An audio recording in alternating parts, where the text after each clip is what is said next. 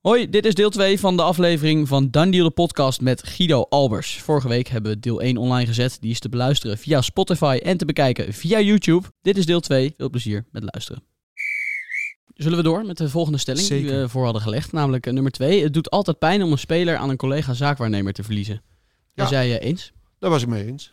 Ja. Snap ik wel hoor. Omdat je uiteindelijk eh, voor je gevoel je ziel en zaligheid ergens instopt. En, eh, en samen succes wil hebben. En ook samen teleurstellingen wil doormaken. maar ja, zo vaak komt het niet. Want zodra het woord teleurstelling komt, dan eh, stappen ze in de, ja, noem maar even in de, de oude voetbaltermen op de volgende trein. Ja, en dat ben jij dan niet. En als je dan echt vraagt om uit te leggen wat je dan niet goed gedaan hebt, dan komt daar niks. Dus dat is wel jammer. Ja. Dat- ehm, in het bijzonder hebben we natuurlijk vorig jaar allemaal gelezen dat Donny van de Beek is overgestapt. Ja. Naar Ali Doersoen. Klopt. Eh, is dat dan een specifiek geval dat heel pijnlijk was? Eh, ja, omdat je uiteindelijk niet zag aankomen. Omdat ik natuurlijk van dichtbij wel zag de teleurstelling en, en, en- en de manier waarop hij uiteindelijk eh, door Man United is behandeld. En dat was natuurlijk niet zo leuk. Uiteindelijk heeft hij ook van dichtbij kunnen zien wat ik daar gedaan heb om te zorgen dat het om zou draaien en dat het beter zou worden. Maar uiteindelijk, eh, ja, de, het, de dag dat hij van Solskjaer weer te horen kreeg dat hij toch nog moest blijven. Ja, vanaf die dag eh, was het voor hem definitief. Maar dat zat natuurlijk in het traject daarvoor al van... Ja, na dat eerste seizoen, dat hij natuurlijk zoveel waardering in Nederland heeft gekregen... en goed gepresteerd heeft en super populair bij de fans was... naar niet spelen. Eh, nou, ik ben nog met zijn ouders zijn we naar de Europa League finale geweest. En toen is hij mee teruggevlogen, omdat de echt, eh, hij ging doen naar het Nederlands elftal. Toen dacht hij, oké, dan moet dat maar eh, heel positief worden. Ja, en, en ik van dichtbij zag hoe de relatie was tussen hem en de club. Ja, dat was op dat moment echt, eh, echt zwaar bekoeld. Want ook in die finale werd hij niet gebruikt. Nee. Toen dacht ik al van ja, dit gaat echt wel een probleem opleveren. Nou, toen kwam het EK zou komen. En ja, toen uiteindelijk kreeg ik wel een telefoontje van Frank. En die zei, ja Guido, hij is hier geblesseerd aangekomen. Ik zei, ja, daar weet ik niks van. Ja, toen is hij uiteindelijk eh, om half twee s'nachts in het AMC eh, hebben ze een scan gedaan. En toen bleek dat hij geblesseerd was. Ja, en daarna moest hij uit de trainingskamp. Ja, dat was nog wel Ja, was heel Dubbel. pijnlijk. Klap op en klap. toen is hij op vakantie gegaan en uiteindelijk na de vakantie hadden we een soort plan gemaakt van met zijn fysiotherapeuten om te zorgen dat hij super fit, top terug zou komen bij eh, United. Nou, daar heeft hij de hele zomer hard voor gewerkt. Dus je hoopt eigenlijk dat hij nu wel de kans zou krijgen, maar ja, uiteindelijk ook, ook daar speelt politiek en belangen speelt daar. Dus hij moest opboksen tegen Pogba. Die kwam te laat eh, in het trainingskamp en die zei sorry en die speelt meteen weer. Ten Ja. opzichte van een jongen die eh, acht weken lang eh, achter tien uur per dag aan het trainen was om te zorgen dat hij kon laten zien dat hij daar goed genoeg voor was. Ja, die teleurstelling, ja, die heb ik voor mijn kiezer gekregen. Is hij van nature dan ook eh, te braaf of eh, te goed eigenlijk? Want het lijkt mij echt de ideale jongen. Of sowieso ook qua type spel. Hè. Was bij Ajax echt een fantastische speler. De stap naar United was toen ook best wel logisch. Leek bij Ajax ook wel redelijk aan zijn plafond te zitten na dat Europese... en hij Ja, wilde ook weg, hè? Hij wilde weg. Real was daarvoor nog in de race. Hè? Ja. Ja, dat was echt zuur. want dat was best wel dichtbij. Klaar. Ja, was klaar. Waar is dat uiteindelijk op geklapt? Corona, keuring. Ja. Dus ja, Super zuur. Ja. Wat? Hoe bedoel je corona-keuring? Zeg maar door corona waren al die clubs kwamen natuurlijk in mega Ja. problemen. Ja. En ook, eh, dus ja, kijk, andere mensen zeggen dan tegen mij, ja, als ze echt, echt gewild hadden, dan hadden ze het geld al op tafel gelegd. Oké, dat kan. Ja. Maar als je het echt, echt niet hebt op dat moment, en je moet een andere keuze maken die tot nu toe bij hun supergoed uitpakken. Ja. Want Madrid, eh, Ja. ik was ook een van, de, van degenen die naar Modric keek en dacht van, nou, misschien is het wel mooi geweest, maar ik zit elke week weer te genieten. Hij wordt elke week nog beter. dat is gewoon Ja, bizar. is echt. Dat is gewoon bizar wat hij nog laat zien. Ja. Toen dacht ik, oké, dat is een mooie kans. Kroos, weet je, bedoel, dat is wel een middenveld waar je wat mee kan. eh, waar je kan En Donny echt een heel ander type. ja, en we zijn daar geweest. En, de, en, en, en noem maar de superscout, die wilde me per se eh, hebben. Dus ja, al het plaatje was goed. Ik ben met zijn ouders daar geweest. We zijn in de kleedkamer geweest. We zijn in zijn appartement geweest. We hebben alles gedaan. Ja, dat doe je niet als je eh, Nee. niet gaat transfereren. Nee. Dus en de contracten liggen bij Ajax. Maar uiteindelijk ging het niet door. Hij werd niet gekeurd eh, de- door... Corona ging niet door. Ja, en toen, en toen heeft Nederland, denk ik, gewoon een mega fout gemaakt. Door de competitie eruit te gooien Ja. hier. Zo. En daardoor zijn heel veel dingen, zeg maar, Ja. mislukt. Ja. En uiteindelijk had hij nog maar een paar keuzes. En met name ook maar weinig clubs die uiteindelijk dat bedrag wat Ajax graag wilde hebben, konden betalen. Die waren er naast United nog meer? Wel in de race? Je hoeft ze niet... eh, Nee, dat zijn met name in Duitsland en een stukje in Italië. Ja. Maar ja, in, in grootte was United echt wel de grootste club. En En je wist gewoon met Mark en met Edwin, weet je, die waren ook wel bereid om daarin mee te denken. Want de prijs lag nog wat hoger dan wat ze uiteindelijk hebben gekregen. Maar daarin hebben ze me echt geholpen om die kant op te gaan. Maar die... dan even terug naar het verhaal. Ja. Uiteindelijk komt die teleurstelling. En toen bleek, zeg maar, na de voorbereiding dat hij niet zou spelen. Toen ben ik in, bij Everton geweest. Toen heb ik het deal gemaakt met Everton. Was rond voor eh Dani, of eh, sorry, voor de Donny om daar te spelen. En met Marcel Brands, dus eh, trainer gesproken. Iedereen was blij. En op de dag dat hij zou gaan, toen belde Solskjaer mij op en uiteindelijk ook Donny op. En die zei van, ja, ik geef toe geen toestemming. Je moet nog een half jaar blijven. Wat Ja. was daar de reden van toen dan? Hij had, hem nodig. reden. hij had hem nodig. Of hij wou hem toch... Dat is het gek aan voetbal. Een trainer die gaat op zijn lijst staan, die gebruikt de speler heel jaar niet. En dan opeens heeft hij hem niet meer nodig. En dan... Maar dat is eigenlijk... Kijk, dat traject van het, het, uit jou, het uit die club halen... Ja, dat wordt natuurlijk een agent aangerekend. Ja, maar dat is ook out of moet your zorgen, eh, zo wat. Dus als je dan zelf... Kijk, en dan was het wel heel gek om te zien... dat hij dan een half jaar later naar Everton ging. ja. Ja. Dus- De club die Ah, toen al eigenlijk... eh waar die toen Maar het goede is, zeg maar, ik was vorige week in Liverpool en daar was Donny ook. En tussenuit hebben we ook wel een keer gesproken. Weet je, het is niet zo dat het contact verloren is. Want dat Nou, maar hoe gaat het dan? Belt hij jou dan op een gegeven moment? Of zegt hij, kunnen we een kop koffie drinken? Of... Mm, nee, nu ging dat niet zo. Maar ja, dat is, ja, daar wil ik niet te veel diep op ingaan. Maar dat werkt met heel veel spelers niet, zeg maar. Dat zijn natuurlijk hele jonge spelers en daarin is een appje natuurlijk wel het makkelijkste. Ja, maar met Donny heb je ook, zeg maar, na die switch, ondanks dat dat pijnlijk was voor jullie beiden, wel gewoon een goed contact Ja, gehad, toch? zeker. Ja. En, eh, Omdat ik ook zo ben. Weet je, kijk, ik doe dit werk omdat ik het leuk vind. Maar ik vind het vooral leuk om een goede band met mijn spelers te hebben. En dat je samen succes hebt. En ook samen dan door de teleurstelling komt. Ja, die kans krijg je niet altijd. Maar Dus- eh, verwijt je jezelf dan iets als je ziet dat hij inderdaad, wat je zegt, een half jaar later wel verhuurd kon worden? Ik denk dat ik, eh, wat ik onderschat heb, is dat ik denk ik wat het mentaal met hem gedaan heeft. De, het feit dat hij niet meer speelde. eh, daar had ik zeg maar, denk ik voor mezelf veel eerder zeg maar, eh, moeten kijken van oké, hoe kan ik hem helpen? Eh, want nu zat ik natuurlijk heel erg met oké, de huurprijs plus de afschrijving krijg je natuurlijk eh, in Engeland voor je kiezen. Ja. Het is niet alleen dat je een club zoekt die zijn salaris overneemt. Ze moeten ook nog een gedeelte van de transfersom betalen, zeg maar. Dus die praat over veel geld. Dus die range is niet zo groot. Plus Ja, dat is dan de speelde- transfersom die een jaar later niet meer, die een lager is omdat het contract dan korter loopt. Nee, je, Of je hoe- moet, hoe ze, hebben, ze hebben 40 miljoen betaald en het wordt Ja. dan verdeeld over de duur van het contract. Nou, het is 5 plus 1.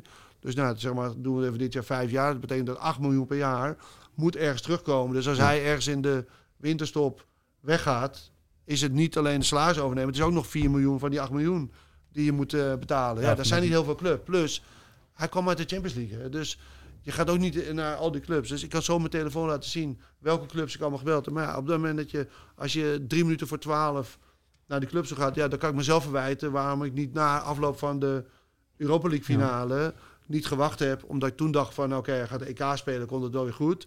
Toen ging het EK ook niet door. Dan had ik misschien na het EK hadden kunnen zeggen, wacht even, dit gaat misschien, stel dat het niet lukt, moet ik het, het vangnet klaar hebben. Ja. Ja, daar, daar heb je het over.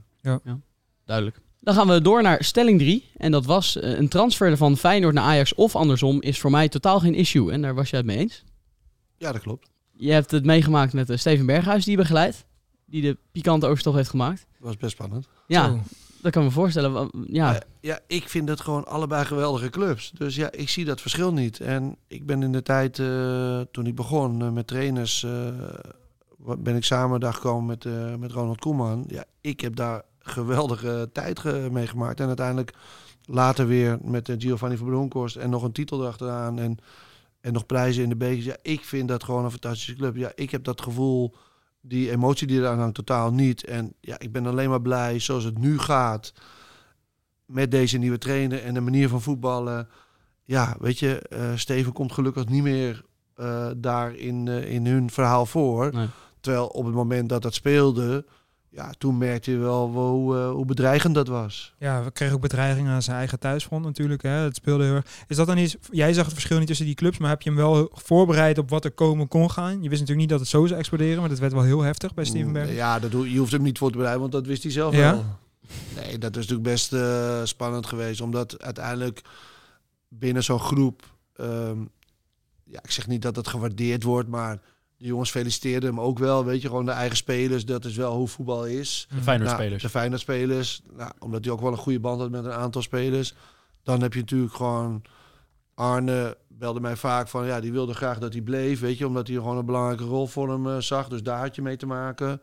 Ja, en dan heb je uiteindelijk gewoon de keuze van... Ja, met name... Ja, dat is ook weer één jongen.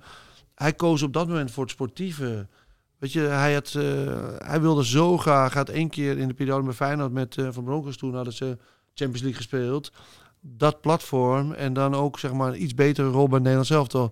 Dat zocht hij. Ja. Ja, en als een club jou dat aanbiedt en andere clubs ook graag jou willen hebben, maar niemand dat zou een Champions League platform kan bieden, ja, dan is het wel een lastige overstap. Maar ja, dan is hij, kijk, hij keek op dat moment gewoon naar, oké, welke club wil mij graag hebben en waar kan ik mijn sportieve ambities verder zetten? Welke andere clubs waren toen? Want het was ook een club uit de Bundesliga destijds? ja, er waren de Bundesliga, maar van spreken ook uit de Premier League, zeg maar, Ja. maar allemaal de onderkant. Weet Zoals je, het- dus Hij was er bij Watford geweest, dus hij wist al een beetje... Ja, dus het zeg maar vanaf 12, zeg maar. Ja. Ja. Dus dat zijn natuurlijk ook gewoon prachtige clubs. En Ja. de Premier League is ook gewoon prachtig. Maar als jij voor jezelf hebt, ik wil graag mezelf laten zien op, eh, op Champions League niveau. En die kans komt er. Ja, dan ja, heeft hij natuurlijk voor zichzelf wel kunnen eh, incalculeren wat, eh, wat de emotie die ermee eh, gepaard zou gaan. Maar we hadden nooit kunnen bedenken dat het zo ver zou gaan. Nee, los van eh, dat het een geweldige speler is, had ik, ik denk dat het ook uit jouw koken komt, hij had een gelimiteerde transfersom. Dat was natuurlijk een fantastische extra, ja, Nee, die credits kan ik niet nemen. Nee? Nee, nee, nee. De- 4 miljoen toch ging het toen over? Ja, maar dat ging niet. hoor. Het ging om eh Mina Riola en eh Fortes Rodriguez waren José, voor de- die waren zijn agenten. Ja, Ja. Berghuis is Eh, toen eh, overgestapt, ja. En die, heb, eh, die heeft zeg maar dat contract. En uiteindelijk is hij bij mij gekomen. Ja, toen stond dat er al in. En toen stond dat er al in. Dus ik, ik kon voortborduren op hetgeen Heb wat je nog bedankt? Heb je Ja, gestuurd? zeker. zeker. Ja, nog dankjewel voor die eh, clausule. Maar is dat iets waar jij trouwens sowieso voorstander van bent? Clausules en contracten? Oh, heel graag. Ja, dan staat het maar zo. Dan kan je, dat is Dat maar duidelijk. perfecte onderhandelingspositie natuurlijk. in Maar het gaat niet om perfect. Het gaat om duidelijkheid. Ja, Dit is zo vermoeiend dat je gewoon nooit weet waar je aan toe bent. is ook het hele spel. En dat is ook het spel, maar dat is wel heel lastig, omdat uiteindelijk zeg maar er veel meer en betere en duidelijkere eh, deals gemaakt kunnen worden als die afspraken er wel zijn. Ja, want in Spanje doen ze het bij bijna elk contract. Gaan ze ook tot de extreme. zelfs. Daar is het verplicht. Ja, Gavi 1 miljoen. Hè. Dat is nu 1 weer miljard. eh, 1 miljard. Oh ja, ja, 1, Ja. Oh ja, 1 miljard. Maar om, bij Berghuis te blijven, eh, hoe is hij daarmee omgegaan destijds?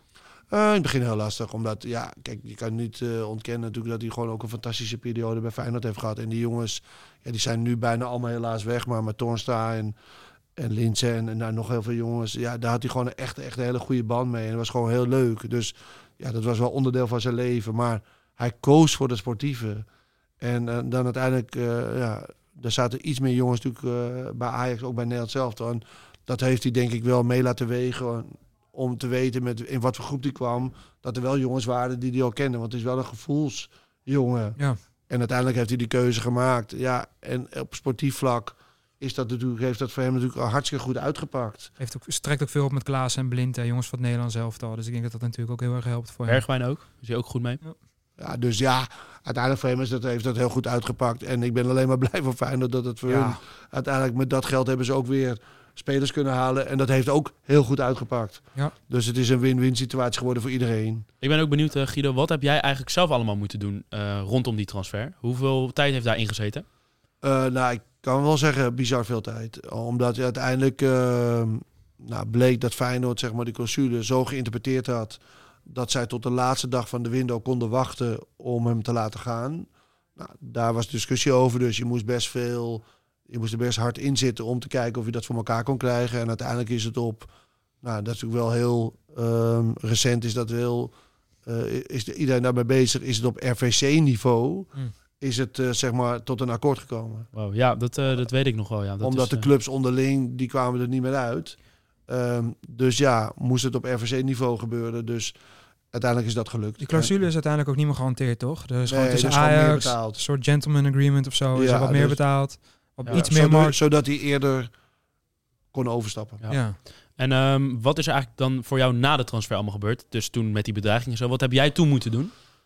Maar uiteindelijk hebben we natuurlijk gewoon monitord van wat er allemaal werd gezegd. En uiteindelijk, ja, toen ging het best ver, zeg maar, ook in familie van zijn vrouw werd, werd bedreigd. Weet je, dus op een gegeven moment dacht je wel het bleef wel binnen het online segment. Nee, ze hebben ook gewoon mensen Persoonlijk. gewoon maanden of weken lang voor zijn deur gestaan in Rotterdam. Weet je. Dus Jezus. ja, Echt waar, joh. Dat is wel bizar dat je dat doet. Maar ja, dat is wel hoe er gebeurt. Die stonden gewoon elke dag te wachten op de hoop dat hij nog een keer daar zou komen. Maar intimidatie? Of waren dat mensen met echt hele hij was daar niet meer geweest, maar uiteindelijk, ja, die, Ja, de politie gaf gewoon aan dat ze daar stonden. En uiteindelijk eh, heb je natuurlijk best veel in dat traject naar de wedstrijden toe. Ja, werd er wel veel, ja, werd er wel veel gezegd en eh, moest hij wel met heel veel scenario's rekening houden. Ja, dat is natuurlijk niet leuk, weet je. Uiteindelijk is dat niet, maar ja, dat is wel deze tijd. Ik bedoel, van de week stond er zelfs eh, de prinses eh, wordt al bedreigd, dus ja. Ja, Mark Diemers, die eh, een boekje opende bij ESPN. Het Ja. is extreem. Destijds wa- was er ook sprake van dat Berghuis dan maar niet mee moest naar de uitwedstrijd in de Kuip. Heb jij daar nog, wat vond jij daarvan? Is dat, is dat echt besproken, ook door jullie? Van laten we dat niet doen in verband Zeker met... niet door mij. Nee. En ook zeker niet door Steven zelf. Want hij kijkt weer naar het sportieve. Hij vond Hij het wil gewoon gewoon mooi, spelen. gewoon lekker voetballen. Ja, En, maar de politie heeft daar wel iets van gevonden. Maar uiteindelijk is dat allemaal gewoon eh, goed geregeld geweest. En uiteindelijk, eh, ja, uiteindelijk heeft hij gewoon die wedstrijd kunnen spelen. Ja, omdat het natuurlijk in een leeg stadion was. Maar is dat Ja. nog een issue voor dit seizoen? De sentimenten zijn natuurlijk nu wel wat lager. Het is allemaal wat meer eh, ja, verleden tijd. Maar dit jaar staat er natuurlijk wel weer een klassieker op het programma in de Kuip. Die vol zit met mensen die wel, als ze Berghuis zien, misschien wel weer heel boos kunnen worden. Ja, ik denk dat het wel blijft. Maar ja, dat zal geen issue zijn, want hij moet gewoon aan het werk en eh, hij moet gewoon daar voetballen. En, ja, en de mensen daar moeten zich, ja, zich houden aan de regels die daarvoor gelden. Ja, daar is, ja, maar da- daar is hij niet mee bezig en daar ben ik ook niet mee bezig. Nee, dus ik jij ben natuurlijk niet naïef, maar moet je ook Ja, niet door laten je leiden. Nee, je moet je jij- niet laten leiden door, eh, hoe heet het, je moet Nee. gewoon, Ja. gewoon kunnen voetballen. Jij vertrouwt erop dat de clubs en de veiligheidsinstanties dat rondom die wedstrijd goed gaan regelen. Ja, ja. Ja, dat is hun taak. Je hebt niet Ja. heel veel andere keuzes. Nee, als Nee. Dat, dat is wat minste wat je, wat je kan Ja, doen. klopt. Wat ik me nog afvroeg, eh daar heerst altijd best wel een stigma om het zaakwaarnemerswereldje heen. Eh, dat is bedoel ik helemaal niet denigrerend, maar je snapt vast wat ik bedoel. Dat het schimmig is. Dat, in hoeverre vind je dat terecht? In hoeverre denk je soms van dat wat een onzin? Ja, ik vind het echt onzin. Ja, uiteindelijk, eh, ja, ik zit hier ook en je kan mij alles vragen en ik zal ook daar eerlijk antwoord op geven. Maar dat geldt ook niet voor alle zaakwaarnemers. Nee, oké, maar uiteindelijk is dat gewoon waarvoor je kiest. Ik bedoel, als ouders zijn en, en met je zoon kies je ergens voor. En natuurlijk is het niet leuk om eh, verhalen te lezen dat zaakwaarnemers zich verrijd hebben aan de Spelen. Maar ook daar zit vaak nog wel een ander verhaal aan vast. Maar ja, dat is natuurlijk niet wat er wordt geschreven. En je kan altijd discussiëren over bedragen. Maar ja, ik denk nu met de mondjeskappenaffaire... is dat dan anders dan, eh dan zaakwaarnemer? Weet je wel? Nee, da- daar wordt ook gewoon bizar zeg maar, dingen gedaan. Maar dat is niet hoe het altijd is. Want je hebt, zeg maar, we hebben best veel spelers, maar het is niet dat jouw businessmodel zeg maar, wordt gered door, door, gered door al die spelers. Nee, geld van andere spelers investeer je weer om te zorgen dat iedereen zeg maar, zich kan ontwikkelen. Ja, dat maakt het leuk aan dit werk. Maar ja, daarin is transparantie en eerlijkheid, ja, dat staat bij mij hoog in het vaandel. Mis je dat dan bij collega's veel? Ja, je weet ook niet hoe zij werken. Kijk, je merkt het pas als je in het buitenland komt. Daar merk je pas hoe schimmig het Is is. het verschil groot? Is een Nederlandse club of Nederlandse zaakwaarnemer weer Ja, en, eh, zeker. Maar omdat Nederlandse clubs er ook niet aan meedoen. Nee. Kijk, in Nederland heb ik ook wel eens gehad. Weet je, dan ga je met een club onderhandelen. En dan heb je, zeg maar, uiteindelijk kom je tot een salaris van, eh, van eh 90. En dan zegt zo'n club, nou, ik kan hem ook 100 geven. Maar dan moet jij afzien van je commissie. En dan zit die speler zit erbij. Ja. Snap je? ja, word je echt voor het blok gezet. Ja, Ja. Lekker is dat, ja. dat is natuurlijk heel bizar. Ja. Maar dat is, dan doen we heel gek over zaakwaarnemers. Maar dat zit die club eh, zit daar gewoon bij, die doet dat gewoon. ja, bizar. En dan doe je het gewoon vaak omdat je de jongen wil helpen en denkt, oké, kijk op de lange termijn. Mhm. Maar het zijn natuurlijk wel dingen die gebeuren en dat is best gek. Mhm. Wat is het meest bizarre dat je hebt meegemaakt in onderhandelingen? Ja, daar hebben we dat niet goed op voorbereid. Maar Nou. ja, ik heb wel eens over het Place United boek. Maar dat is best een dik boek geworden. Wat er allemaal gebeurd is in de afgelopen jaren. Maar waar ik het meest moeite mee heb, is wat ik net met Chucky ook als voorbeeld gaf. Dat je met een club zit en je zegt, oké, hij kan voor 100 kan hij weg.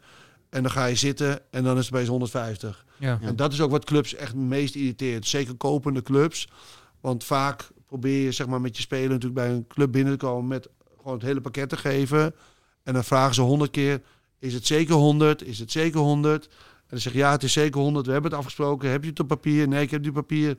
Weet je, het zijn betrouwbare directie. En dan kom je met die club en dan is het 150. Als er geld in het spel komt, Dan worden mensen anders. dan worden mensen echt anders. Dat is dit weer echt een wijze les van. We hadden het net heel veel over Italië. Ik vond nog wel even heel interessant. Want jij die schouten, is dat, is dat of zit die zit? Want Ja, jullie zit zijn, bij mijn collega. ja, want jullie zijn Samen ja, samen Frank, ja. gegaan. Dus Met, dat is ook nogal eh, vanuit eh, jouw oude agency en die van Frank Schouten zijn Ja, samen klopt. gegaan. Eh, wat is daar eigenlijk het verhaal achter? Wat is daar de reden van geweest? Eh, nou, uiteindelijk wat we merkten is dat eh, we hebben het bedrijf opgesplitst in Place United. daar hebben we de trainers in. Ik heb iets van eh, 24 trainers die ik Frank de begeleid. Boer, Giovanni van Bronckhorst. Ja, maar John van der Brom, maar ook Dave Vos bij Rangers. Maar, Ja. maar ook Shorta Avalatse bij Hull City, Peter van der Veen, Hull City. Dus daar hebben we een aantal trainers. Ja. Nou, en nog veel meer. Dat is leuk en dat hebben we in place uitgegaan. En toen kwam er- eigenlijk wat we wilden is dat als je zeg maar met een speler hebben we net over service bieden, dan moet je ook een netwerk bieden. En uiteindelijk het netwerk wordt gebouwd door het netwerk wat je zelf kan onderhouden. Nou, als je in, eh, in Europa kijkt, heb je gewoon 300, 350 clubs waar je zeg maar serieus eh, werk mee kan eh, doen. Dat zijn er best veel Mhm. in al de landen en alles. En ja, dan is het lekkerder als je dat kan verdelen met, met meerdere personen. En toen kwam ik in contact met Frank Schouten bij een pro-agent meeting. En toen merkte ik gewoon dat hij een gedeelte van de markt heel goed was. Waarin ik met ons bedrijf, met Rob Witsche, wel eh, wat minder was. En toen hebben we tegen elkaar gezegd, ja, of ik nou een, een Duitse agent bel... of ik bel met Frank en ik weet dat het gewoon goed wordt gemanaged... ja, dan bel ik liever met Frank. Ja. En zo ben ik met Frank Schouten dan eh, zeg maar uiteindelijk eh, in contact gekomen en hebben we besloten om die twee bedrijven samen te voegen. En dat zie je nu wel overal. Want in Engeland, dat hebben jullie geen eens door. Maar in Engeland heeft CEA, dat is een eh, van ons oorsprong Amerikaans bedrijf. Met top eh, basketballers en eh, top eh, American voetballers. Die hebben Base overgenomen. Een bedrijf met het. En nu, CEA-base is dat? CEA Base. En nu hebben ze Stellar ook nog overgenomen. Ja. Dus ja, die zijn nu naar 1200 spelers. ja, bizar. En ik zou als speler nooit bij een bedrijf gaan met 1200 spelers. Want Nee, als, je dan, als je dan zeg maar, op de zoeken zoekt eh, en eh, positie, dan hebben ze 41 rechtsbacks. Ja. En dan moet je maar afvragen, als jij rechtsback bent, of je als eerste aan bod komt als er een Ja. nieuwe club komt. Dus zo ik, gaat- zou, ik zou dat nooit doen. Zo gaat het soms wel toch bij clubs. Dat ze gewoon inderdaad op sites zoals Transfermarkt kijken. Oh, ik heb een rechtsback nodig. We gaan even zoeken op rechtsback van die agency waar ik dan redelijk contact mee heb. En dan gaan we het even uitzoeken welke ik kan pakken. Ik denk niet. Ik denk dat je heel veel clubs daar tekort doet. Want eh, ze hebben ook gewoon een scouting. En er zijn mensen natuurlijk gewoon... De serieuze clubs hebben daar ook gewoon een serieuze eh, afdeling en een goede organisatie achter.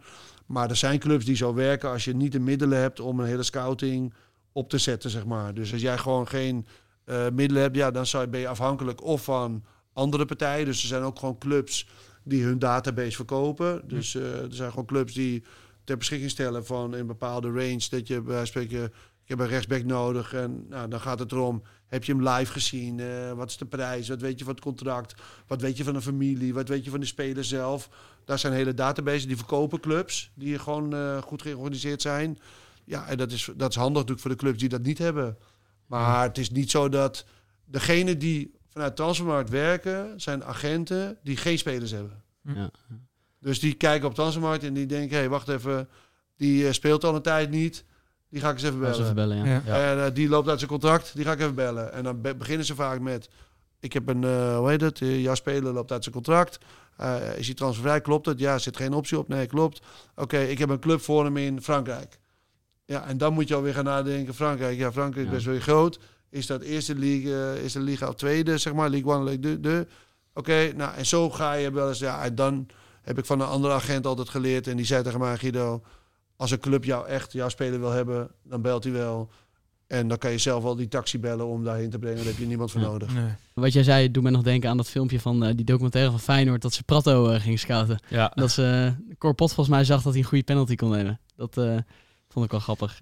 Nou ja, in het licht van eh, scouten. Sowieso de hele manier van scouten tegenwoordig. Hè. Data scouting is nu ook een heel groot ding waar ze heel veel mee doen. En clubs alles aan ophangen. Zoals een eh, Brentford bijvoorbeeld in de Premier League. Ja, maar de Wel interessant. Ja, heel veel naar stats gekeken inderdaad. Ja, zeker. Nee, maar dat is wel wat het is. Maar het hele voetbal wordt natuurlijk geëvalueerd. Weet Ja. je? Je, wilt- moet als speler natuurlijk veel meer brengen dan eh, voorheen. Je Mhm. kan niet alleen maar, ja, je moet gewoon meters maken. Je moet natuurlijk gewoon veel meer eh, high intensity sprints eh, neer- neerzetten in je data. Wil je kansen krijgen. Dus ja, het is een heel belangrijk onderdeel geworden. Maar uiteindelijk, ja, toch is het nog steeds het leukste als voor ons als liefhebbers.